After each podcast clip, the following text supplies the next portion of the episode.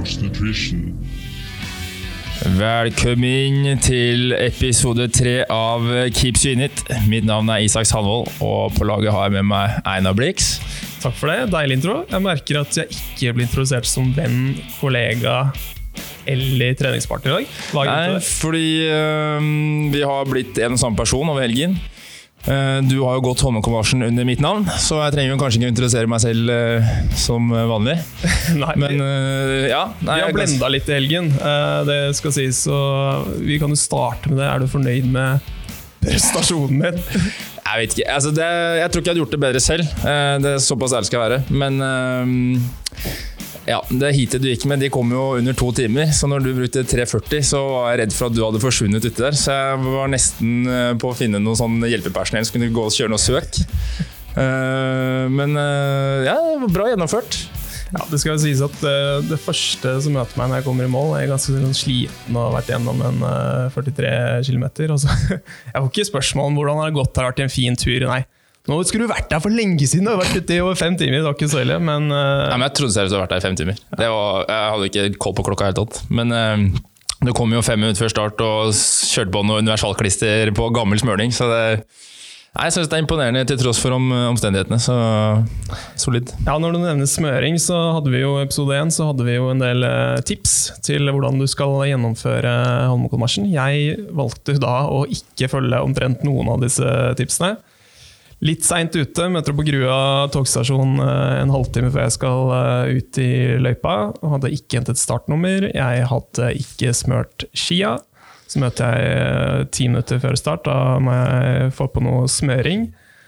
Og var det Swix meldte på, på sine smøretips. Det Med var, sånn fire forskjellige lag med klistre, Det er jo helt, helt sjukehus. Ja, det var noe isklister og noe rubb i bunnen og noe N33 på toppen her, og jeg sto der med Universal. Universal. universalklister fra XXL-posen min. Men ja. det gikk jo Det var jo et fantastisk arrangement. Det var eh, virkelig en god, god opplevelse, altså. Ja, for vi som sto på stand også, fikk inntrykk av at det var godt arrangert. og Kodus til eh, skiforening, som faktisk gjennomførte det til tross for lite snø og endring av eh, lokasjon. Definitivt. Og så var det jo en del sånn håndballag og så videre som sto ute i løypa med masse flagg og delte ut mat og sportsdrikke og barer og brownies, og det var jo musikk langs løypa og skikkelig, Ja, skikkelig god stemning. Så kudos. eh, Jeg skal sende en blomst til, eh, til Skiforeningen etter den eh, opplevelsen der. Altså. Ja, men det er bra. Eh, For dere nye lyttere, eh, det vi holder på med i den podkasten her, er jo egentlig å ta med lytterne inn i vårt lille univers av sponsorater. Eh, Vi har jo en del kjente fjes og, og navn som gjør det relativt godt i sine idretter, og vi tenker å ja, gi en liten smakbit på gode historier og treningshverdager og konkurransesituasjoner. Ja, det er det det handler om her. At vi skal lære litt av de beste, og vi skal høre om hverdagen til de beste. Ja, kort og greit. I tillegg så er vi um, raus på konkurranser, syns jeg. Vi sponser også en del av disse større endurance-rennrittene og løpene som tar seg gjennom Norges eh, land. Og her har man mulighet for å vinne både startnummeret og mm, produkter fra Maxim. Absolutt, absolutt. Her er det gode muligheter. Men eh, hva har vi gjort siden uh, sist Isak? Det eh, det har vært en stund siden sist. Ja, det, det har jo vært to uker siden sist. Nå har jo har vi både vært på Holmenkollmarsjen, eller Brovoll. Det er jo en del annet man skal ta for seg i en arbeidsuke, som har gjort at vi måtte utsette en liten, liten stund. Men nå er vi tilbake igjen på track. Vi er tilbake på trap, eh, track. Track. Tredje episode. Da, da har vi kommet et stykke allerede. Ja. Absolutt. Og vi har jo også trent litt uh, siden sist. Vi fikk jo noen gode treningstips fra vår forrige gjest. Det sto ikke på antall treningstips fra André, men uh, stikkordene er eh, kontinuitet og variert trening.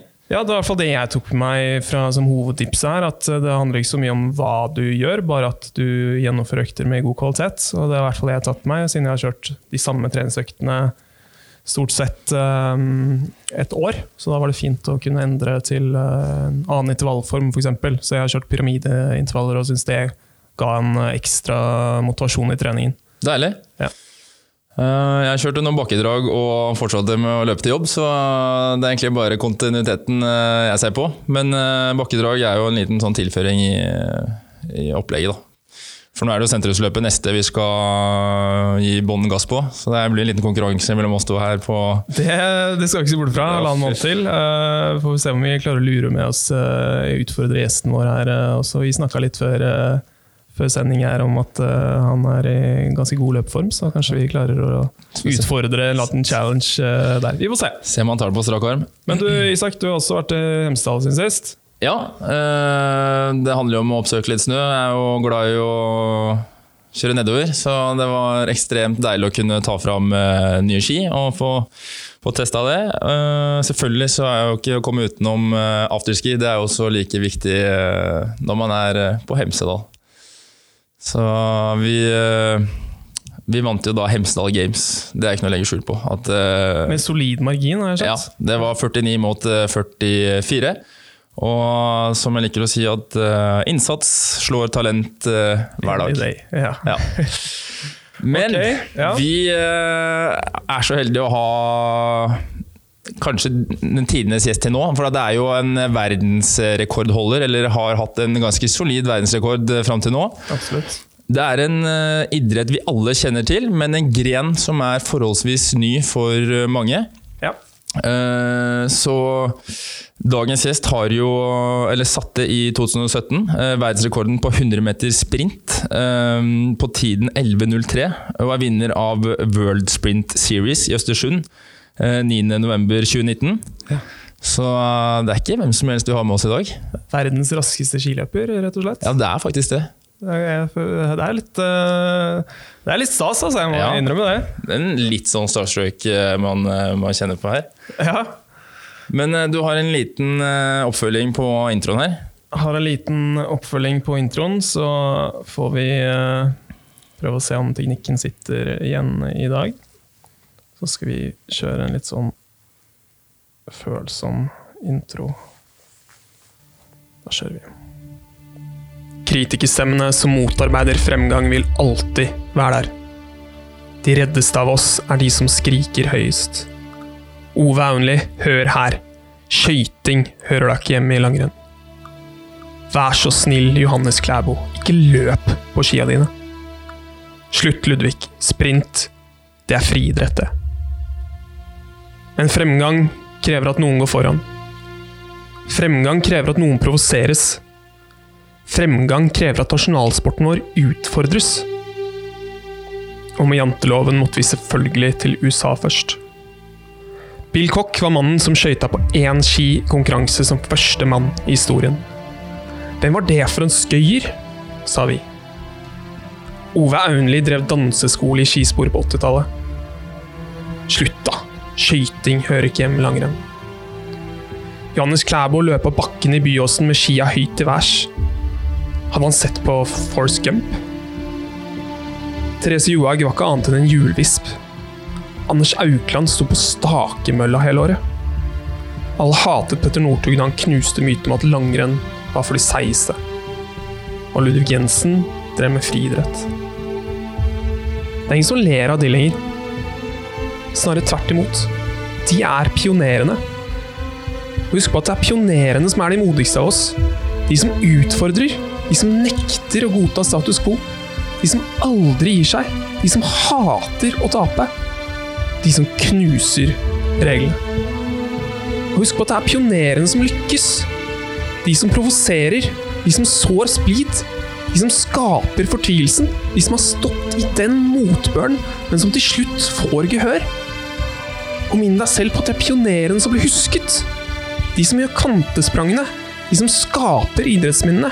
De som utvikler idretten sin til nye generasjoner. De som drar historien videre. Og Ludvig er en av pionerene våre. Han har utviklet nasjonalsporten vår. 100 meter sprint. Er den til og med kanskje den mest ærlige av distansene våre? Den som kombinerer langrennens tre gullpilarer. Teknikk, rå kraft og skrikende muskelfibre. En stadionidrett som kan skape skiengasjement i alle verdens byer. En øvelse som kan gjennomføres selv med milde vintre. Ski Formel 1, som vil tiltrekke seg selv de minst tålmodige Fortnite-ungdommene våre. Og en distanse som kan samle et internasjonalt miljø uten norsk dominans. Doble padletak med ski som går som trommestikker i full marsj. Fra kald start til sprinthastighet på få sekunder. En dans som utvikles og finslipes underveis. Avslutning med lange dobbeltdansskyv. Her er det ingen tilfeldigheter. Du kan ikke vinne ved ett teknisk feilskjær. Ett stavtak på feil sted, og du er ute. Krav om reaksjonsevne som Usain Bolt. Krav om urkraft som skal skvises ut på 11 sekunder. Og krav om å gjøre det tilsvarende perfekt i flere heat. Dette er det som skaper fremgang for skisporten. Dette tar skisporten til et nytt nivå. Dette skaper fremgang. Det blir jo bare større og større gåsehud eh, for hver gang. Eh, Den, den er fin, ass. Men eh, velkommen til oss, Ludvig Jensen. Tusen takk. Det Velkommen. helt vill intro der. Det, Ja, den er til å ta føre på. Du blir litt, ja, du blir litt påmeldt når Ja, du ja. det er fint. Det er Nei, fint. fordi um, som eh, vi nevnte litt tidligere, det er jo en uh, relativt ny gren. Uh, vi, uh, vi har sett litt på det, eller jeg har fått sett én konkurranse hel gjennom, men vi tok en liten sånn spørrerunde på, um, på marsjen, rett og slett for å høre om liksom Norges fremste, eller fremste, fremste, de som er litt med i skimiljøet, kjenner til det. Og da var det de første som kom i mål, visste jo selvfølgelig hvem du var, og, og hva 100 meter subsprint var. Men når vi kom litt lenger tilbake i puljene, så var det færre og færre som visste hva dette liksom ga seg ut på. da. Så kan ikke du ta oss litt sånn kjapt gjennom hva er supersprint, og hvem er du? Eh, Jeg kan starte med supersprint. Da. Det er en, eh, en eh, veldig enkel øvelse. Det er 100 meter på ski. Og så er det noen ganger at det arrangeres eh, eh, litt andre distanser. 200 meter er godt i Italia og sånne ting. Men eh, standarden er 100 meter på ski. Og det er mann mot mann. Da er det gjerne fire stykker i hvert heat. Og så er det de to beste som går eh, videre fra hvert heat, og så står man igjen med en uh, vinner. da. Eh, Så det minner om friidrett, bare at her er det utslag. I en friidretts 100 meter så, så løper man kanskje én gang. Eh, Maks to ganger i løpet av en dag. da. Mens her så, så er det gjerne 32 som går videre, og så er det ja, Vi går åttendels, kvart, semi og finale, eller bare en kvart semi og finale. Ja, så du må, du må gjennom løypa et par ganger. Ja, du må det, så, du, så det stiller jo litt andre krav da, enn, eh, enn i friidrett, hvor det er eh, 100 meter og that's it. Så, så må vi faktisk eh, gjøre det her noen ganger, da. Men eh, eh, ja, det, det ligner nok mer på løping friidrett enn det det gjør på en langrennssprint som vi ser på i World Cup, f.eks., hvor det er tre-fire minutter og du skal Ja. gjøre det fire ganger. Mm. Men det er liksom samme oppsettet. Da. Det er jo, jeg vet ikke om det er fem eller seks eh, Det er ikke fire i en vanlig Nei, det er, det er flere i vanlig sprint, ja. men, eh, men det er ganske likt eh, sånn sett. Ja. Men i, på 100 meter så har vi egne baner, da.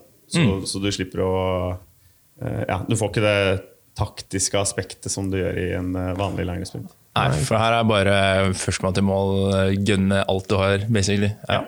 Og så er det helt ferskt, som dere sier. Så det er jo ble, Første gang jeg gikk en sånn konkurranse, var i 2013 eh, på Bislett. Og, og da har det skjedd eh, en del ting med konseptet siden den gang. Men, eh, men eh, standarden er liksom at det er 100 meter flatt eh, og mann mot mann eller kvinne mot kvinne. Ja, for hvordan kom du inn i denne øvelsen, 100 meter sprint? Hvordan startet det? Det, det startet med at jeg var uh, langrennsløper, som, eh, som eh, alle andre langrennsløpere. på en måte. Eh, jeg satset vanlig sprint, eh, men gikk distanserenn for å få kondisjon eh, og utholdenhet. eh, noe jeg ikke eh, er et uh, talent for. Uh, så, jeg, så jeg drev nok litt mot, uh, mot min egen kropp en, eh, en periode der. Men eh, fant ut at eh, jeg skulle gi meg etter 2011-sesongen. Ja. Eh, Da hadde jeg, da hadde jeg eh, vært eh, Eller slitt de to siste sesongene som junior og første sesongen som senior. Da, Eh, Med feiltrening, eller at eh, jeg trente eh, kanskje litt for mye i forhold til hva kroppen min eh, tålte. Da. Ja. Litt for mye hardt, litt for mye tunge utholdenhetsøkter. Um, bestemte meg for at uh, nei, nå får nok være nok, og, uh, og ville starte å studere. Så jeg, så jeg flyttet til uh, København for å studere fysioterapi. Ja. Uh, og så dukket opp en konkurranse på Bislett året etter. Så da hadde jeg altså gått en sommer da, uten, uh, uten å være satsende utøver. Ja. Uh, og det, det var en Werner Kling som, som kom opp med ideen om å lage en 100 meter showkonkurranse på Bislett stadion. Ja. og inviterte masse gode utøvere dit. Johaug og Northug og hele verdenseliten. Og da tenkte jeg at det her passer jo for meg. Jeg hadde holdt meg i form og trent uh, masse gjennom sommeren. Og, um, og, og, visste at jeg var veldig rask, så jeg sendte de en, en uh, melding og spurte om jeg kunne bli invitert til den konkurransen. Da, for det var sånn lukket uh, ja, ja. showkonkurranse. Men var du navnet ditt på den tiden? Var det kjent? Det var ikke noe det var, Jeg var en helt ok junior og hadde vel blitt senior på det tidspunktet, men, men ikke, noe, ikke, noe, kjent i det hele tatt. Nei. Så jeg spurte om å få gå, og fikk nei den gangen. Ja. Um, og så gikk den konkurransen på, på, TV, tror den gikk på NRK, og det ble litt føss rundt det. Um, og da tenkte jeg ok, neste år så skal jeg i hvert fall Den må jeg jo få gå, fordi jeg syns konseptet var dritkult. 100 meter, det passet meg kjempebra. Så da, da prøvde jeg meg igjen året etter, og da hadde jeg uh, trent litt mer spesifikt mot distansen. da og da, da kom jeg opp med en idé om å lage en bare en film, en liten filmsnutt hvor jeg filmet at jeg gikk på. Jeg fikk med Olav Stubberud. Ja. ja, han, han er en veldig rå fotograf. Følger Justin Bieber på tour og litt sånn der. Så jeg fikk han, jeg er kompis med han, så jeg fikk han til å filme meg da, og lage en litt sånn fet edit. Og så hadde vi satt opp sånne titakker, eller sånne fotoceller. da. Så jeg gikk på fotoceller og slo verdensrekorden på det tidspunktet med ganske mye. Um, og så fikk vi det på film, lagde litt sånn kul edit, og så, og så sendte vi den til arrangøren og spurte nå må det være mulig å få gå. Mm. Uh, og jeg tror de tenkte litt på det tidspunktet at ja, det er alle, eller mange som sikkert kan gå fort på bra forhold og sånne ting. Um, og når jeg fikk Da fikk jeg litt sånn derre Jeg fikk sånn halvveis nei. Så da sendte vi den filmen til uh, Dagbladet. Det var Olav som hadde en kontakt i Dagbladet. Så vi sendte den filmen til Dagbladet. Ja. Og så trykket de den saken da, at jeg slo verdensrekorden og ville møte Petter Northug. Med videoen. eh, med video. Så sjukt. Eh, og, da, og da kunne ikke arrangøren si nei, da. Ja, okay. så, så jeg på en måte tvang meg inn på start og fikk et, fikk et wildcard på, til Bislett-konkurransen. Men du vant den konkurransen, for det er litt Ja, viktig. Ja. og, det, og, og så kom jeg dit, og jeg husker da Jeg hadde ikke noe navn i det hele tatt. Og, og så jo opp til eh, Northug og flere av de andre som gikk der. Det var, jeg husker det var Northug og jeg tror Kolonia gikk, og det var flere av disse Bransdal og mange gode, gode skiløpere. Det var liksom hele verdenseliten, for det var rett før femmila. Ah, ja. Eh, Det det var mellom eh, Drammen og, og femmila i Kollen. Så det, så det var masse verdenscupløpere som, eh, som gikk der. Kicken Randall gikk for damene, og Stina Nilsson fikk sitt gjennombrudd da hun vant der. Oh, ja. Så det var sånn kul konkurranse å være med på. Og da husker jeg at jeg var sånn Ok, det her må jeg jo vinne, for nå hadde jeg, jeg hadde gått ut så sinnssykt høyt. Så Ja, for det- Northug og sånn. Eh, og, og jeg vant den konkurransen og satt uh, verdensrekord der, så det var liksom uh, Ja, så du fikk stata det, liksom. deilig, Ja, den, eh, det, er den, eh, det er den kuleste opplevelsen jeg har hatt på, Mm. på idrettsbanen. For jeg, jeg har vunnet mange av disse konkurransene i etterkant. mm.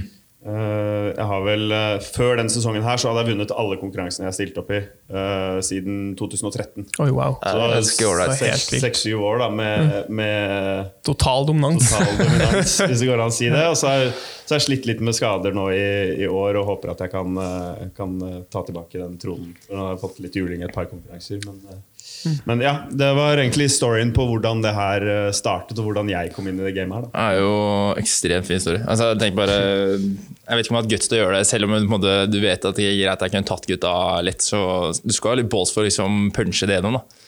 Så jeg, det, jeg støtter den der. Altså, det er jævlig fin. Ja, takk. Uh, men eh, Vi er jo litt sånn uh, nysgjerrig på teknikken her. For vi har prøvd å studere litt på YouTube og se hva som er raskest. Men uh, vi kan vel egentlig bare komme fram til at lyddeteknikken den er jo uslåelig. Ja, den er, den er, det flere og flere som bruker nå.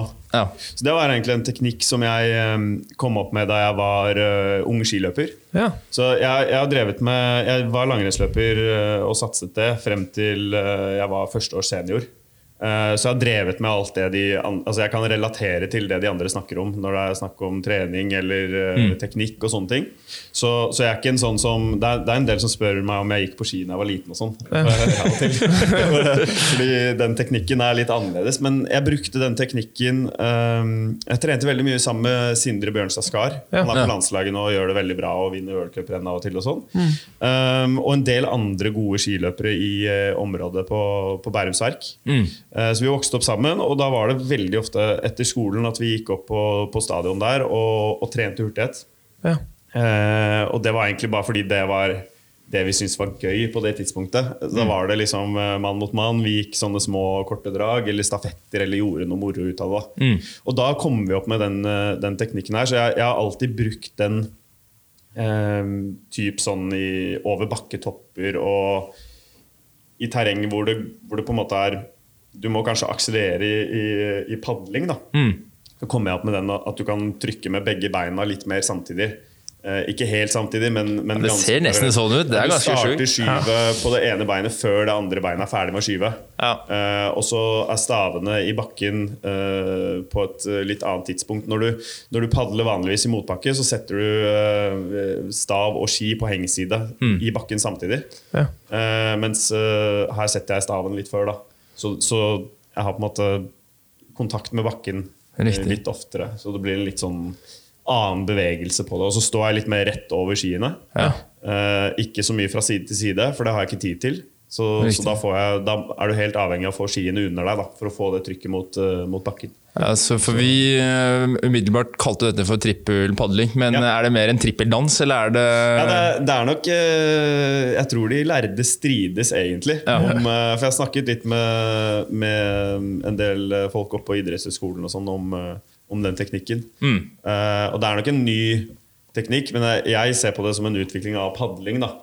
Uh, litt sammenlignbart med det Klæbo gjør på, når han løper på, på skien, eller det Estil gjorde da han begynte å løpe på skien. At det er, ikke, mm. det er ikke en sånn diagonalgang som man har sett tidligere, men det er noe, det er noe nytt som tilføres. Som på en måte tilføres. Ja. Er, du kan kalle det en, en ny teknikk, eller en, bare en utvikling av den teknikken som allerede er der. Fordi eh, jeg, jeg, kan padle Jeg kan bruke den Jeg kaller det luddepadling. Ja, eh, jeg, kan, eh, jeg kan bruke den teknikken i, i motbakke. Det, det, krever litt mer Eller du bruker litt mer krefter på det. Så jeg ja. tror du, du, ser det litt mer i World Cup nå, at noen av de velger å gjøre det over bakketoppen. Ja. Da kan du mm. rykke litt, litt ut på flaten med den teknikken. Ja, For det kan ikke være energieffektivt uh, å kjøre lundeteknikken fra bunn til topp. Da, Nei, da, det tærer. Det tærer veldig, og det er det som er uh, utfordringen med den teknikken. Da. Så mm. den, den, egner seg veldig bra på, for å starte og akselerere, mm. uh, og over bakketopper og litt sånn, sånne ting som det. Ja, for jeg ser du På disse videoene så ser jeg at du går over til vanlig dobbeltdans egentlig, mot slutten av løpet. Er det fra sånn 50 meter og ut? eller noe sånt? Ja, det varierer litt på, på føre. Ja. Mm. Hvis det er veldig isete, så går vi mer dobbeltdans. for da kommer kommer ja. opp i fart uh, tidligere. Ja. Men, uh, men, vi bruker den, uh, den starten min er, er, vanlig å bruke å gå ganske langt. Altså Vi går på litt sånn lettere gir før vi hopper over i, i dobbeltdansen. Mm. går det over for tidlig, så møter du litt veggen, på en måte. Ja. Det, det, blir for tungt å akselerere videre, videre i dobbeltdans. Ja, så det er det som er hensikten her, at vi, vi kan akselerere lenger, og så, og så, hoppe over i dobbeltlands og så ta ut den uh, toppfarten der. Mm. Det jeg lurer på, er når du er i absolutt maksfart underveis i den 100-meteren, mm. uh, altså hvor, hvor raskt snakker vi? Det er vanskelig, det er vanskelig uh, Vi har gjort noen målinger, og det går fort. Jeg tror det er mellom 40 og 50. Det er jo ja. over Usain Bolt-tempo, det. Ja, så Vi taper ganske mye til han i starten, da. og så tar vi innpå mot slutten. Vil det si at innen 200 meter uh, mot Usain Bolt, så kunne du muligens ha vunnet? Jeg tror det blir uh, jevnt. Kanskje vi hadde slått han, ja. Det er helt på, på rulleski slår vi ham ganske mye på 200 meter. Ja, det, okay. Da går vi på med raske hjul på 16-17 sekunder. da. Ja, Så rulleski er raskere enn Rulleski er uh, veldig raskt. På, Hvis du får lov til å bruke keramiske lager og sånne raske hjul. Ja. Uh, for det er ofte det man ser på uh, til vanlig, altså sånn rulleski som folk trener med, det er lagt inn en sånn liten rullemotstand. da. Ja. Sånn at det skal bli litt bedre trening ut av det. Ja, men med null friksjon så går det Nullfriksjon så går det fryktelig fort på asfalt. For det er null Du, du har eh, det, det er nesten som å, som å gå skøyter på is. At det er så hardt. da Så du får liksom All kraften går ned i underlaget. underlaget. Hvis på snø så, så vil det ja, En del av kraften går jo altså Du sklir litt, og, du, og du mister litt eh, Forsvinner i stavene ja. og sånne okay. ting. Så, men selvfølgelig det er veldig føreavhengig. Hvis det er knallhardt på, på snø, så tror jeg vi skal i hvert fall gå ned mot uh, 10-5 på, på gode forhold. Ja, det er, mål, det er nye målet ditt, eller? Ja, det er egentlig det. Men da må det, ting må klaffe. Jeg må være i god form, skadefri. Og i tillegg så må forholdene være helt perfekte den dagen det er konkurranse. For det er da vi gjør de uh, offisielle målingene der. Så, så det er litt sånn derre det, for, for meg er det viktigste å vinne de konkurransene jeg stiller opp i, enn å ta en rekord. Men det er selvfølgelig utrolig kult å, å slå rekorder, for det er, ja, det er sånn som folk prater om. da Ja, for den har du mista nå, har jeg skjønt. En italiener som har eh, Og det som irriterer meg der, er jo at jeg ikke gikk den konkurransen, for jeg var, jeg var skadet uh, og var hjemme. Og de tidene som var der, var utrolig bra. da Så det var mange som gikk veldig fort den dagen. Uh, så jeg tror jeg, jeg skal ikke si at jeg, hadde jeg vært med, så hadde jeg slått den rekorden. Men eh, da hadde jeg i hvert fall hatt muligheten til å slå den. For det var uh, visstnok fantastiske forhold den dagen der. Men du har eh, en treningstid, en uoffisiell tid, som Ja, da, jeg, har jeg har gått på Jeg har gått på 10,70 mm. Ja. eh, på trening, og det er det er jo fort. Men, eh, men som sagt, du skal helst eh, prestere det når det er eh, konkurranse. Da. Så, ja. Nei, for um, du som sagt har vunnet nesten det du har stilt opp i. Uh, så vi er jo sånn spent på om det er noe butikk i det. For det er jo ikke, det er ikke sponset, eller det er ikke støttet av landslaget. Eh, så du bør jo ha et ganske bra team rundt deg, et støtteapparat som, eh, som er villig til å sponse litt, da, eller bidra. Ja. Det som er De siste årene så har det vært Det har ikke vært veldig bra. Altså Du er avhengig av å være veldig synlig, og vi har ikke noe stipender, vi har ikke noe sånn støtte fra, fra noe skiforbund eller noe sånt. Um, og har stort sett betalt uh, reiser og sånne ting selv. da Um, men eh, det siste året, så, nå som det er eh, en, eh, en cup i World Sprint Series, og det har vært NRK-sendt alle, alle rennene, så, så har det blitt mye enklere for meg å, å få inntekt fra sponsorsiden. da så er det litt premiepenger. Det er ikke, det er ikke så mye enda, men uh, vi håper at det blir bedre og bedre for, Ja. for hvert år. Så, så det er jo Det blir litt sånn at uh, jeg har, jeg har hatt en mission om å være med på å utvikle langrennssporten. Um, og så har jeg egentlig eh, tatt litt konsekvensen av det. da Når Jeg kunne nok uh, jobbet og tjent, tjent bedre enn jeg, enn jeg har gjort de siste årene. Så håper jeg at det kanskje nå kan åpne seg noen muligheter. da Ja, vi har jo sett uh, vi leste? 700 000 seere bare i Sverige på var det Østersund. eh, Ja, det har vært Distansen. eh, gode TV-tall på, på ganske mange av konkurransene. Så jeg tror det som er, eh, Nå har jeg ikke sett alle, alle TV-tallene, men, eh, men jeg vet at det har vært ganske bra, og at TV har vært fornøyde med, med TV-tallene. Så, mm, Og det har også vært uten de store langrennsprofilene som, vi, som, som jeg også håper at av og til stiller opp på supersprint. da. Ja, ser Klæbo han er litt sulten på den supersprinten. Ja. Klæbo, Klæbo har vært veldig tydelig i media. Og det er jo altså, det er superfett for Mm. oss at han, eh, at han snakker positivt om supersprint. Og han er en av de raskeste i verden. Ja, for han er bra, ikke sant? Ja, ja, han. Er, eh, han er utrolig bra. Han, er skummel. Men eh, han er Jeg har møtt han i tre-fire finaler Uh, opp igjennom. Mm. Og han har vel stort sett blitt nummer to i de finalene. Ja. Så han, og da har han slått uh, f.eks. Bekkis, som nå sitter med den rekorden. da Ja. Så han, eh, Klæbo er virkelig eh, rask. Og så er bare spørsmålet om eh, den utholdenhetstreningen han gjør for å, for å prøve å bli en bedre allrounder, om det går på bekostning av Ja, de hurtige fibrene etter hvert. Da. For Han er fortsatt uh, ganske ung. Ja. Jeg tror han uh, jeg tror han fortsatt er uh, veldig rask, men, men det, er, det er nok en For han, da, så, Så ja, det vil nok på et eller annet tidspunkt gå litt på bekostning av det. Vi får se. Men uh, denne supersprint-serien øh, som vi snakket om, jeg, vi har lest litt uh, om det. Og det, vært, det skal være seks konkurranser i 2019-2020-sesongen. Ja. Eh, Østersund, Trysil, Dresden og König Ludvig har vel vært hittil. ja. Så er det to til. Eh, jeg tror det bare blir Moskva-konkurransen er ute. Okay. Av noe arrangørgreier der borte. Det er ikke så lett å arrangere ting i Russland nå, tror jeg. Nei. Eh, så, så det blir eh, Ludde Open på Hafjell med Oi. Ja, egen kult. konkurranse. Det er jo helt Som eh, blir finalen, da. Stiller du med alt sjøl? Altså, er det du som må uh, Ja, ja, ja, ja, det er jo det er, det er en veldig flink arrangørgruppe i Hafjell. Ja. eh, som er, og de er proffe. De, de har kontroll på løyper og snø og prepping og rigging og alt mulig. Så er det en klubb der borte da, som, uh, Ja.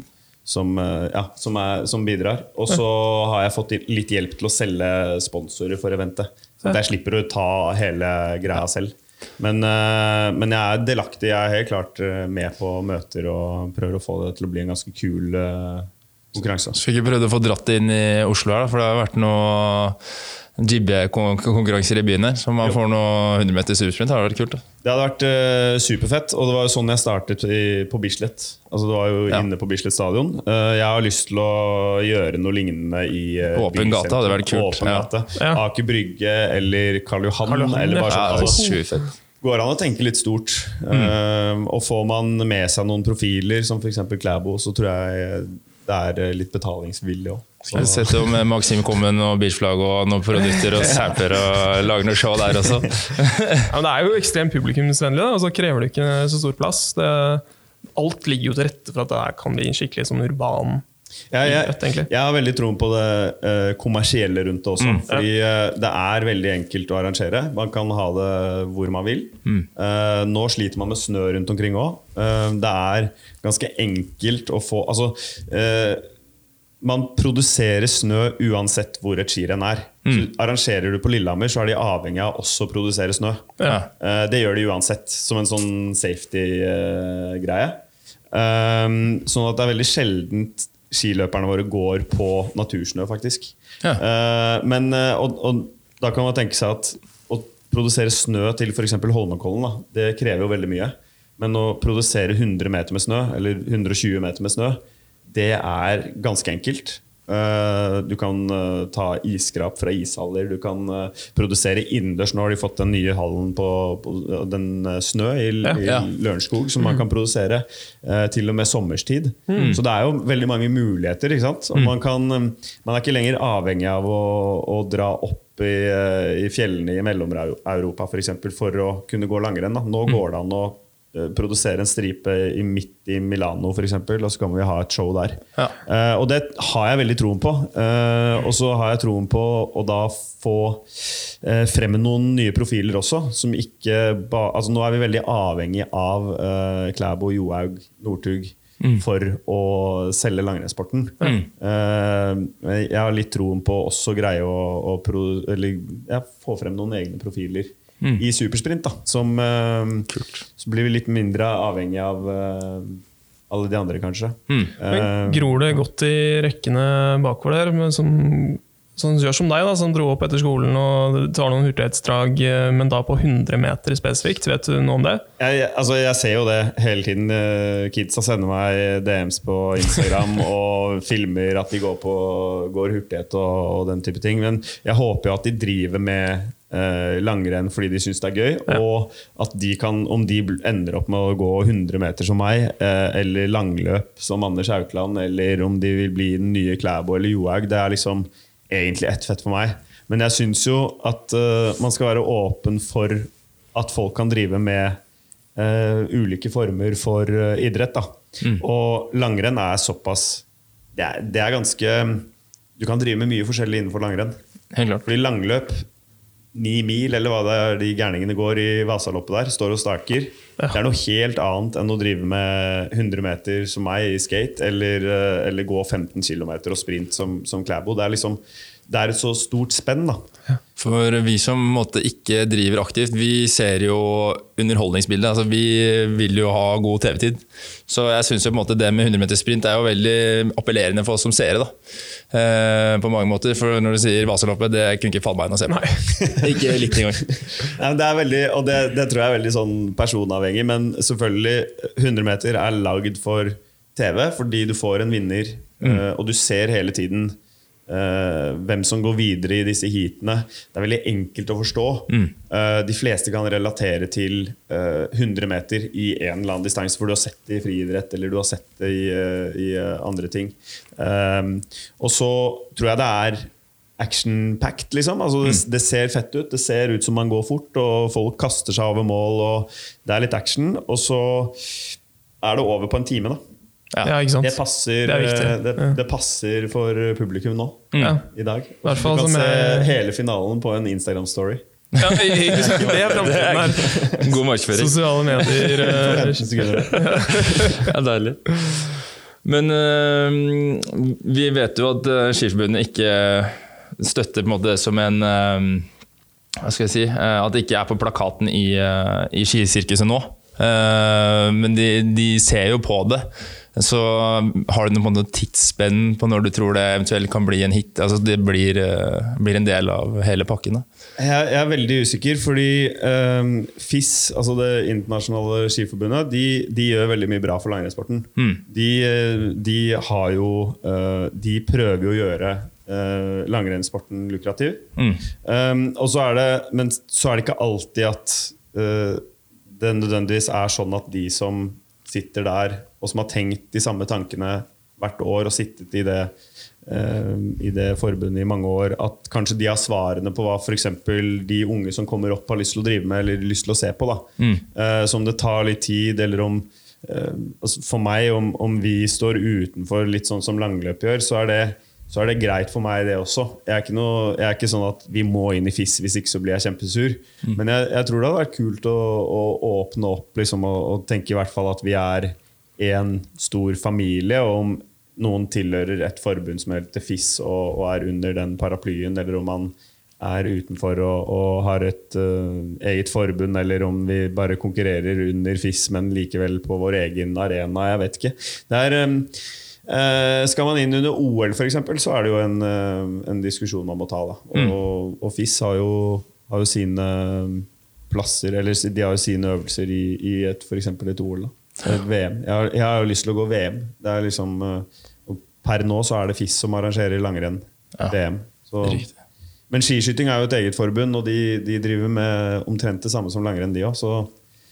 Jeg vet ikke hvordan de der eh, tingene der kommer til å se ut om, om noen år, men eh, jeg, eh, jeg er positiv til FIS og, og jobben de gjør, og så håper jeg at vi får At vi i hvert fall ikke blir motarbeidet da, i Ja. arbeidet vi gjør med, med å få 100 meter på Skjønner. plakaten. Jeg liker at du, det virker som du har sånn for- forkjærlighet for liksom, sporten langrenn. Du, du sier sånn Ok, bare vi får det til Det handler ikke så mye om eh, hva disse unge vil gjøre, bare at de går på langrenn. Det, merker jeg, det er litt sånn varmende. At du virkelig har den passion for, eh, for langrennssporten. Da, som fremtiden. Men jeg kommer jo fra, fra langrennssporten, og, og jeg ser på det her som langrenn. Jeg hører av og til noen sånn, de som er sure på, på supersprint, at de sier at dette er ikke langrenn. Og, men, eh, men alt starter et sted. Og eh, ser du på alpint, da, så har du jo alle de øvelsene som er i den alpine worldcupen, men du har også kulekjøring, du har freeski, du har jibbing, som også er en gren som startet med alpint. Du har uh, til og med de der gærningene som, som kjø- skicross. Ja. Du har de gærningene som står ned et fjell og måler som. Frikjøring, ja. Ja. Det, ja, Som- ja, det så vi også. Ja. Det er jo helt vilt. De som bare står ned et fjell. Var det 248 km i timen eller noe. Det, Ja. Så det på YouTube. De gutta som uh, har sånne racingdrakter som er bare rett ned. helt, Med sånn rygg. Sånn, Ja, ja, det er helt sjukt. Men poenget mitt er at i hvert fall eh, det, det finnes så mange forskjellige grener under en, eh, ja, i, i en idrett. Da. Og ja, jeg tror uh, i langrenn så er vi kanskje litt sånn Vi er kanskje litt mer tradisjonelle eller tradisjonsbundet enn en del andre idretter er. da sånn, sånn jeg ser det, som, som står inni det. Um, jeg tror um, Ja, så, det, det er litt sånn Man snakker fortsatt om at Klæbo ikke er eh, skikkelig langrennsløper før han vinner femmila. Liksom. Ja, ikke sant? Ja, det er det om, Ja, han, det er, er han er verdens beste Ja. langrennsløper. Han, han vinner nesten bare sprintrenn. Men han er verdens beste langrennsløper. Han vant jo worldcupen sammenlagt i fjor. Ja. Og folk, folk, folk snakker om Nei, men han har ikke vunnet femmila. Eller, altså, det er bare Ja, Det er altså- sånn jeg stusser over, da. Ja, Og samme individuelt start, eh, eller fellesstart. Liksom, At individuell start er mer, eh, skal mer kudos å vinne den enn Ja, ja. fellesstart. Det er, noen sånne gamle mønstre som, som henger igjen. Ja, han er jo ankermann for Norge nå. Han eh, tar jo hvem som helst. eh, Bare ser, men det er jo mer det taktiske aspektet. Han er jo ungvalp ennå og har jo mer, eh, mer i hodet enn eh, mange av de traverne som har holdt på lenge. Da. Ja, er du gæren? Og hadde han lagt opp nå Han er 20 23, 20, Ja. 22-23 år. Hadde han lagt opp nå, så hadde han vært en legende. Ikke Ikke sant? Så, så for meg så er det liksom eh, Det er ikke et spørsmål engang. da Men eh, jeg liker også femmil. Det er ikke, det er ikke, eh, jeg er ikke noe sånn ute etter å si at femmil har noe høyere eller lavere verdi enn de andre øvelsene. Det er poenget mitt. Jeg syns bare at er du en god langrennsløper, så, så kjør på, liksom. Der er vi enige. Ja. Helt klart. Men øhm, ja, hvordan blir man verdens raskeste skiløper? Hvordan trener du? Hvordan er øh, rutinene dine? Har du noe hva er det man, man bruker sånn, øh, før renn? At du har noen spesielle ting du må gjøre før du øh, Overtro. Ja, overtro, ja. ja. Eh, det, eh, jeg kan ta det første det med konkurranse. Da. Eh, der er det liksom eh, Stort sett så prøver jeg å gjøre det samme eh, hver gang. Så jeg har den samme oppvarmingen. Varmer opp ganske lenge. Um, Ca. en time. Ja, så Altså. Og jo kortere det går, jo lenger varmer det opp. Typ. Um, og, og starter veldig slow, og så blir det mer og mer intensivt. Da. Um, prøver å få i meg litt, uh, litt uh, væske og ikke altfor mye mat rett før konkurranse. Uh, holder med en New Energy bar liksom, på mellom heatene hvis, hvis det drar ut lenge. Og så litt koffein. Det er det jeg stort sett bruker i, i konkurranse og, og sportsdrikk. ja. Uh, og så er det um, uh, I forkant der så er det liksom uh, Jeg legger frem klærne mine dagen før. Det er, det er en sånn greie jeg gjør, men det er ikke så mye mer enn det som er sånn eh, Er det noen spesiell rekkefølge på klærne? At sokkene skal komme der? Og så ja, nei, jeg, jeg pleier å Nei, men jeg, jeg bretter og legger det liksom klart. Da, sånn Ja. at alt er klart til dagen etter. Mm. Eh, men utenom det så har jeg ikke noe sånn voldsom, eh, voldsomme rutiner eh, liksom på konkurransedag. ja. Jeg pleier å være litt nervøs i forkant, og så forsvinner de nervene eh, når jeg kommer inn på, på oppvarmingsområdet. Ja. Du ser veldig chill ut når du er på det området. det, du ser ut som du koser deg når du løper over målstreken og den Kommer lille sånn avslappa fingeren over er Ja, så- Ja, du har jo noen signaler Ja. som Ja, eh, det- statement her, har vi sett. Ja, det er litt mer eh, det er, det er en måte for meg å kunne skille meg litt fra, fra de andre. Du drar litt Eh, fashion inn i sporten nå. Det skal være litt sånn eh, ja, men eh, jeg liker litt den eh, Jeg liker litt at vi eh, kan være langrennssportens eh, Det blir teit å si, men eh, typ litt sånn som snowboard er. ja. Ja. Eh, som idrett. Jeg håper at vi som er 100 meter eh, supersprintere, kan være litt mer den X. Games-konkurranseformen. da Så litt mer sånn langrenn.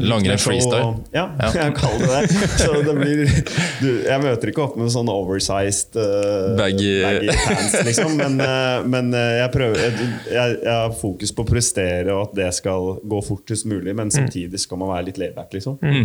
Um, og jeg har alltid sett opp til de, de utøverne som er litt sånn chill. da Eh, og som ser ut som har det litt gøy når de holder på. At ikke ja, at, ja, kan ha litt glimt i øyet, liksom. ja, det er bra, det. Det ser ut som du har det gøy, i hvert fall. Ja, det er bra. Mm. Det, det har jeg jo.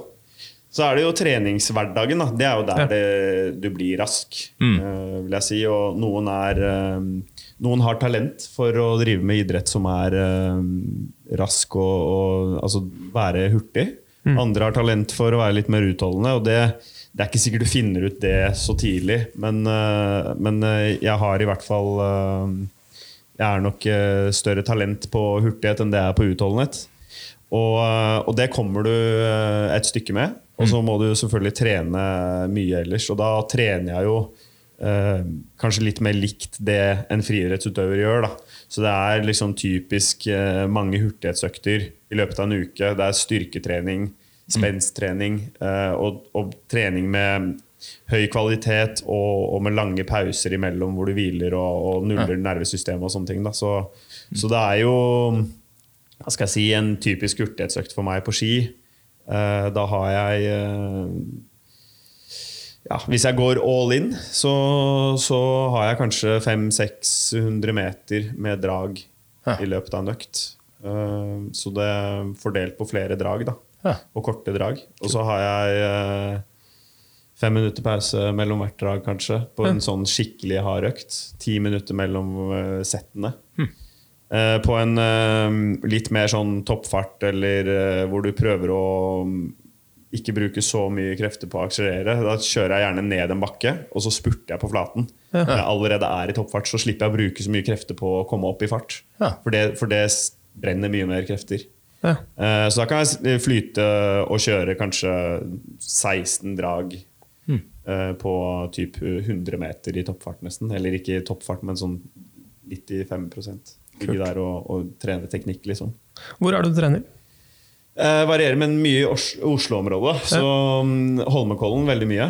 Eh, og så Bærums Verk, hjemme der jeg kommer fra. Der er jeg en del. Um, har fortsatt skiene mine i boden til uh, mamma og pappa. Så fatter'n kan gjøre en liten jobb med de. Ja. Så han er også smøransvarlig? Ja, selv om han er ikke, han er ikke sånn eh, han, er ikke, han er ikke skismører, sånn som noen av de langrennsfamiliene er helt eh, ville. Men han eh, gjør i hvert fall en eh, innsats. Han gjør så godt han kan. Ja, ja, det er bra. Han har sikkert tatt noen lynkurs hos Swix. Det har han ja. gjort. Men smøring har vi ikke snakket noe om. Jeg tenkte jo sånn at det er blanke ski, og Ja. så går man på det. Men det er kanskje ikke Nå er ikke fluor og sånn lenger, men flux Det er ikke noe sånn Det kjører ikke noe Ja, men, greia er at det fluorforbudet det trer ikke i kraft før neste år. Ja. Så, um, så vi går jo på alle mulige produkter sånn som det er nå. Ja. Mm. Så kommer det nok en endring hvor, hvor man blir tvunget til å droppe fluor. Mm. Og da, da fins det jo gode alternativer på markedet også. Men det er veldig føravhengig. Sånn som hva vi gjør nå, er veldig Det varierer veldig. Mm. Men uh, som regel så er det faktisk bare en hard uh, voks i bunnen, og så er det en topping. ja. Eh, ikke noe sånn uh, HF eller sånn varm uh, glider. Eh, vi, vi trenger ikke så mye fordi vi går så kort, så vi trenger egentlig bare den toppingen. ja. Som er en liquid eller en, eh, en annen form for topping. Da. Riktig. Men den er best oppå en grunnvoks. Den er ikke best på rett på sålen, liksom. Ofte så Jo, rett på sålen. Det er det vi gjør. Enten så legger vi en knallhard eh, voks i bunn, Mm. eller så bare vasker vi skiene. Ja. Og så legger, eh, legger en topping oppå. Det er det som vi stort sett gjør. da Ja. Men nå er ikke jeg smører, og, eh, men eh, får, får som regel hjelp eh, rundt omkring konkurranser. Da. Hvis Ja. ikke så hender det at vi gjør det selv også, men det, da, det, da får vi hjelp til hvilket produkt vi skal velge. Da. Riktig. Mm. jeg har ikke noen smøretrailer. Du får ikke liksom smetta deg inn i smøreboden til Norge en liten tur. Bare gutta, ta en sånn fem minutter på mine også. Nei, det er det, ikke der. hadde vært digg, det. Men, Vi må snakke litt om uh, altså, dagens situasjon. Vi, før du kom inn i studio her, så hadde vi en liten prat om at uh, ja, du har vært gjennom litt skader uh, og slitt litt med det i det siste. Hvordan, eh, hvordan ser dagens uh, situasjon ut for deg? akkurat nå så er jeg i opptrening uh, og, og prøver å rekke Ludde Open, altså min uh, konkurranse, som er i starten av april. Ja. Så, så det, og det er noen konkurranser før det, men de tror jeg ikke jeg skal gå. De er ikke en del av cupen. Eh, Men jeg må være mm, sikker på at det brystet holder. Da. Så nå, jeg, jeg røk delvis av den brystmuskelen i fjor. I, i, um, Østersund, var det? i Østersund. Eh, og så gikk det ganske lang tid før jeg var tilbake i konkurranse. Da. Men jeg rakk uh, å gå konkurranse på, på vårparten i fjor. Og så har jeg brukt sommeren og, og høsten i år på å trene bra og komme i god form. Og så har jeg nå begynt å slite igjen med den uh, skaden. Da. Så jeg har gått litt, noen konkurranser nå med den. eh, hvor det ikke har vært helt bra. Så da, da ble det avgjort at ok, nå roer jeg ned og, og, og få tatt litt ordentlig eh, tak i den muskulaturen da, og, og få trent eh, opp igjen. Eller liksom starte på scratch og så trene opp eh, brystmuskulaturen. Ja. For jeg ble ikke operert, men kjørte rehab eller opptreningsprogrammet. da. Så, men så har det begynt å nappe litt i den igjen. Men jeg håper og, og tror at jeg skal være bra igjen til, til konkurransen nå, og så tar det egentlig derfra. Men eh, jeg trener bra. Nå har jeg vært en, en tur i, eh, i Statene og, og fått meg en eh, liten miniferie med, med trening. Og jeg har løpt eh, drag og, og trent styrke. Og så nå kommer jeg hjem til snø, og så får får trene ordentlig på ski og, og ta tak i det. Så håper jeg at jeg kan være i stand til å trene de eksplosive startene ganske snart. Det, er det, det er der jeg sliter mest. Ja. ja, men det høres ut som du har en god plan, da. Ja, det har jeg. Ja, det er viktig. Og så er det kun eh, rulleski på når sesongen er ferdig, eller? Da er det Ja, Da er det over på, på rulleski. Det er det vi eh, bruker selvfølgelig mye tid på rulleski om sommeren. Og jeg går litt konkurranser der også. Det er jo en World Cup. Ja. Hvor det er 200 meter, da, som er eh, sprintøvelsen. Så jeg, jeg går en del av det. Jeg har ikke hatt noen sånn voldsom satsing på det de siste årene, men, eh, men jeg pleier å slenge meg med når, jeg, når det passer. Og, og jeg er ok på det også, selv om det stiller litt andre krav. Der, der går man enkeltlands, for det går så fort. Da. Ok. Ja. Så, så, men eh, noen av, eller ganske mange av de som går supersprint på vinteren, går også de om sommeren. Ja. Kult. Hvor vil du si at skillet mellom supersprint og vanlig sprint, hvor lang distanse vil du definere det? Uh, I, i ja, eh, FIS-konkurranser så pleier det å være sånn Jeg tror det er 1,8 km eller noe sånt. Ja. Eh, en supersprint pleier å være 100 meter. Så, men jeg vil si kanskje 500 meter eller et eller annet sånt. 500-600 meter, Da begynner det å nærme seg vanlig sprint. da. Fordi eh, ja, når du begynner å, å gå med mer syre og, og få eh, Det effekt av å være god uh, kondisjon. Altså, At du har god kondisjon. Riktig. tror jeg grensen går. Men hvor mange meter og hvor mange drag vi må ha, det er jeg faktisk litt usikker på.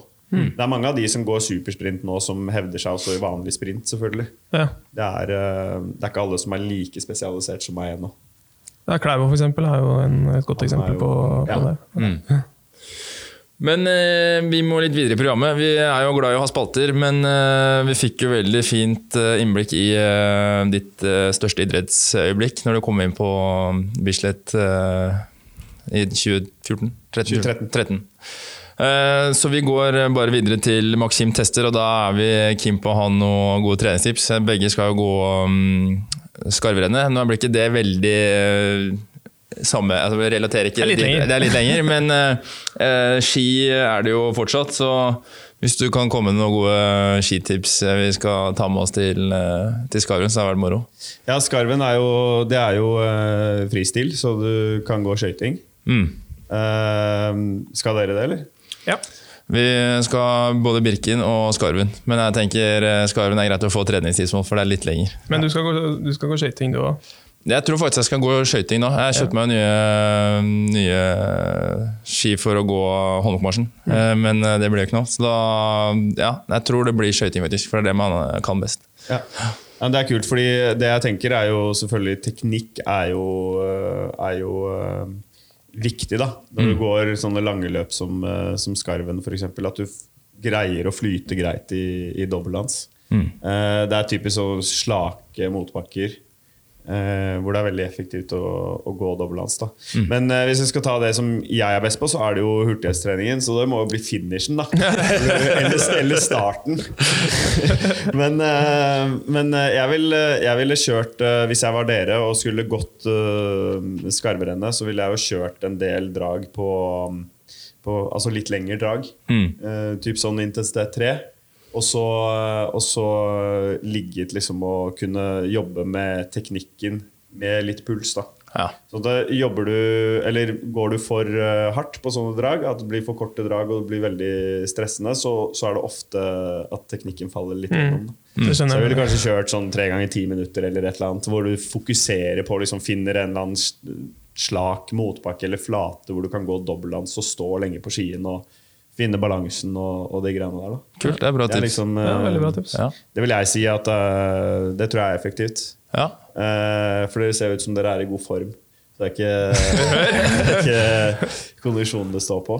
Nei, det, er, det er kult å høre det. Fordi Hvis jeg skulle liksom satt meg utenfor eh, på egen hånd, så hadde jeg jo gått to-tre mil eh, flere ganger bare sånn for å få et par distanser. Men det å måte spesifikt kjøre ti minutters er jo litt eh, Jeg tror interessant. veldig mange, fordi Hvis du uansett skal gå, si du går halvannen time, da, eller to timer, eller du skal gå en sånn langtur, en fin langtur, så kan det ofte bli at man går litt eh, det, Altså, du holder pulsen nede, du går rolig, men, eh, men du kan liksom ta noen sånne minutter hvor du fokuserer på teknisk gåing i litt høyere fart. Da, uten at det blir sånn veldig stressende.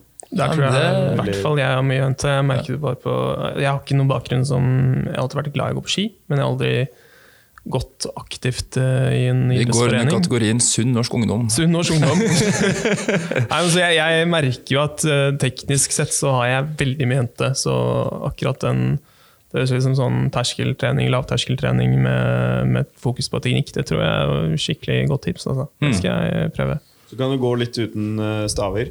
Eh, tenk, Ja. Det som er viktig når man skøyter, det er jo at eh, det er, det er omtrent det samme som i klassisk. At tyngdeoverføring er veldig viktig. Mm. Så å finne balansen på skien, sånn at man står eh, godt og, og stabilt på ski, og så greier å trykke ned og, og flytte tyngden over på den andre skien. Da. Det er jo veldig viktig. Veldig mange blir stående mellom skiene, og da blir det veldig mye tyngre, og du får et mye dårligere skyv. Så, så jeg tror eh, clouet for veldig mange er å liksom finne det tyngdeoverføringen, eller den der balansepunktet. da. Um, og, og stå litt sånn frempå og, og, og tørre å liksom eh, stå lenge på skien. Da. For det er, um, det er uh, Gjengangeren er liksom at man eh, stresser litt og, og blir stående imellom, og det, det er tungt. Altså. Ja. Det er bare et morsomt spørsmål, siden jeg har jo en uh, liten forhistorie som alpinist. Uh, tror du jeg kunne hevda meg liksom, i starten på um, supersprint i forhold til flying start i alpint? Den er jo veldig eksplosiv. Ja. Du har jo de første 20 meterne der Ja. du skal gå full spiker for å få mest mulig fart. Du må gønne på. Ja, og Der er jo skien litt tyngre, og du har jo litt støvler som veier litt. og sånn, Så man har jo litt sånn eksplosiv fiber i, i Det er alpint. sikkert punch i de beina der. Jeg liker å tro det, men eh, det hadde vært moro å liksom få testa det. Om det, man har liksom noen fordel med å ha trent flying start. Da. Ja.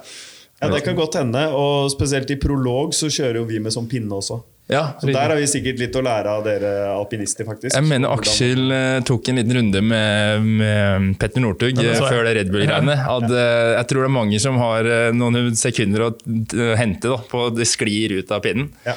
Når du liksom kan bare satse ut. Hvor lang tid tror du vi, vi to som eh, ja, sunn norsk ungdom, som du sier, På en hadde supersprint? brukt på en super 100 meter sprint? da? Nei, eh, 20 sekunder ja, Det er helt umulig, jeg har aldri testet det. Det er vanskelig å si. Ja, det er vanskelig å si. Ja, ja, men det er sikkert nærmere 20 sekunder, tipper jeg. Jeg tror, jeg, I hvert fall første gang man Ja, ja, ja. eh, Hva tror du, Ludvig?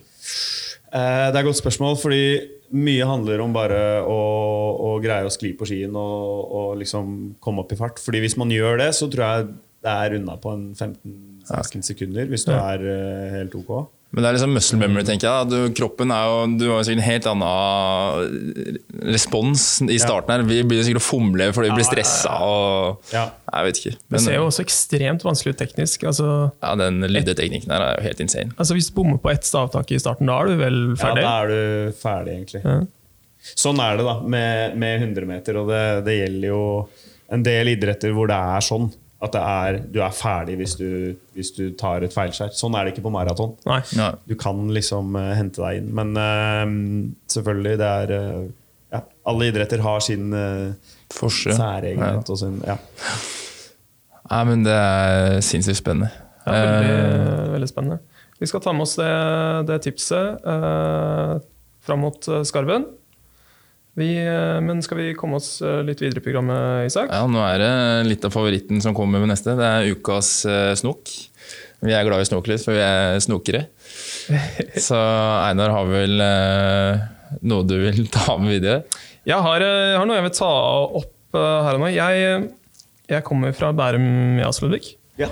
Jeg kommer fra Fossum idrettsforening. Jeg er jeg vet ikke om du eh, Hvis jeg sier Ski Unit og Young Skiers, hva, hva sier du da? ja det, var, eh, det var sånn uh, rap-beef, det.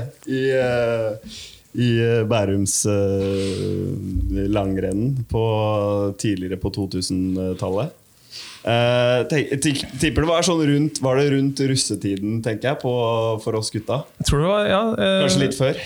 Og du gikk på Nadderud? Jeg gikk på Nadderud, og jeg hadde noen kompiser der som, eh, som eh, lagde en uh, låt, og de het uh, Young Skiers. Uh, og så lagde vi, da, vi fra Bærumsverk, lagde en, et motsvar til den. da Ja, jeg har jo prøvd å grave. Jeg har jo spurt disse gutta mine fra Fossum. Dessverre så har jeg i hvert fall deres innspillinger. Jeg skjønte at de spilte inn på Singstar-mikrofoner. Jeg skjønte at Ja. dere hadde litt høyere nivå med ordentlig ja, studio. kanskje Ja, vi hadde studio i hvert fall.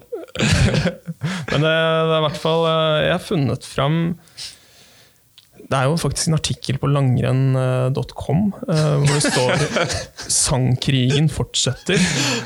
Eh, og Her er det ikke snakk om da Young Skiers, men det står først om Team Trøndelag med sin sang, som disse Team Leif. Nordtrønderne svarte, men nå har også Ski Unit fra Bærum fulgt opp. Her er det også faktisk en tekst som jeg kan, jeg kan jo kan jo si, uh, Syngen er lese opp. Jeg skal ikke, skal ikke prøve å rappe dette her, men uh, Dette er jeg, bra. jeg kan lese, lese opp. Ski Unit er crewet, hvis du skjønner hva jeg mener. Det er ikke snakk om fotball, men om nordiske grener. Viktig å spise både havre og kli, for denne låta er laget til alle. De som om sommeren koser seg også på rulleski. Og til og med løper mange harde turer på sti. Og tro meg, ha, vi leker ikke G. Det er, det er, det er god Det er, det er bra. Det er solid. G. Det er, det er solide greier, det der. Uff, Nei, det er applausen der, altså. Det er moro. Men du var ikke ferdig med sangkarrieren din eh, da, Ludvig? Nei, nei.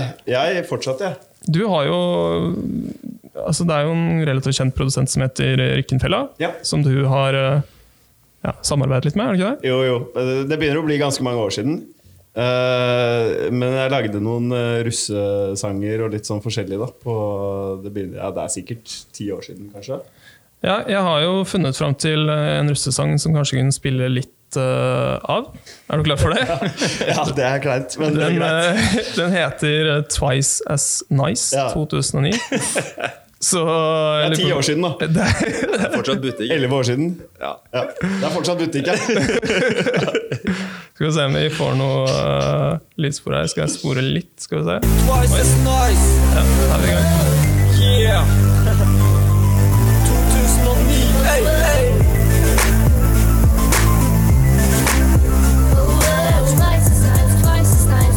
Her er vi. Ja, Der er vi på ballen.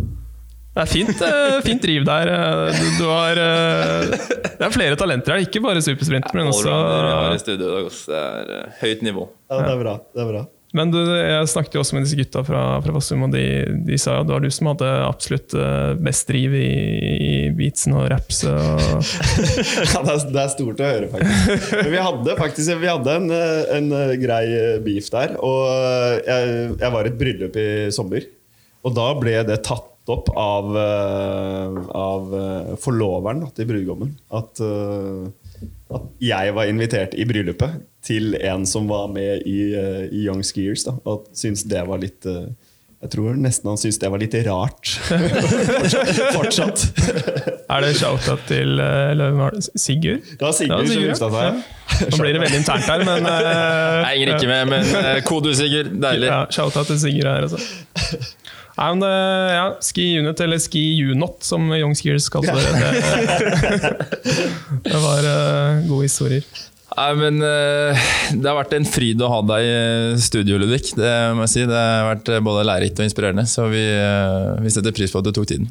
Jo, takk skal dere ha. Helt klart. Og vi, vi innledet jo også kanskje med en, en challenge her og nå. Vi skal jo sentre et løp om uh, halvannen måned. Ja, Er stemmer. Er klare, Ja, når er det? Er det i mai? 29. april, tror jeg. Ja, Eller var jeg lurer på om Det er med dobbeltsjekke. Det er i slutten av april. Ja, Hva er distansen der igjen? det er 10 ti. km. Ja, hvis jeg, eh, hvis jeg har anledning, så skal jeg ta den utfordringen. Ja, det er Veldig bra. Da skal vi prøve å stille med startnummer, så, konge. så får gunna gjennom der. Da gleder vi oss til det. Ja, det er Det blir stive legger. Ja, det tror jeg på. Nei, men eh, Fantastisk. Så, så sier vi igjen takk. Det var vært veldig moro. Det har vært veldig, veldig bra. Takk for at du, du kom, Ludvig. Takk skal dere ha. På gjensyn. På gjensyn.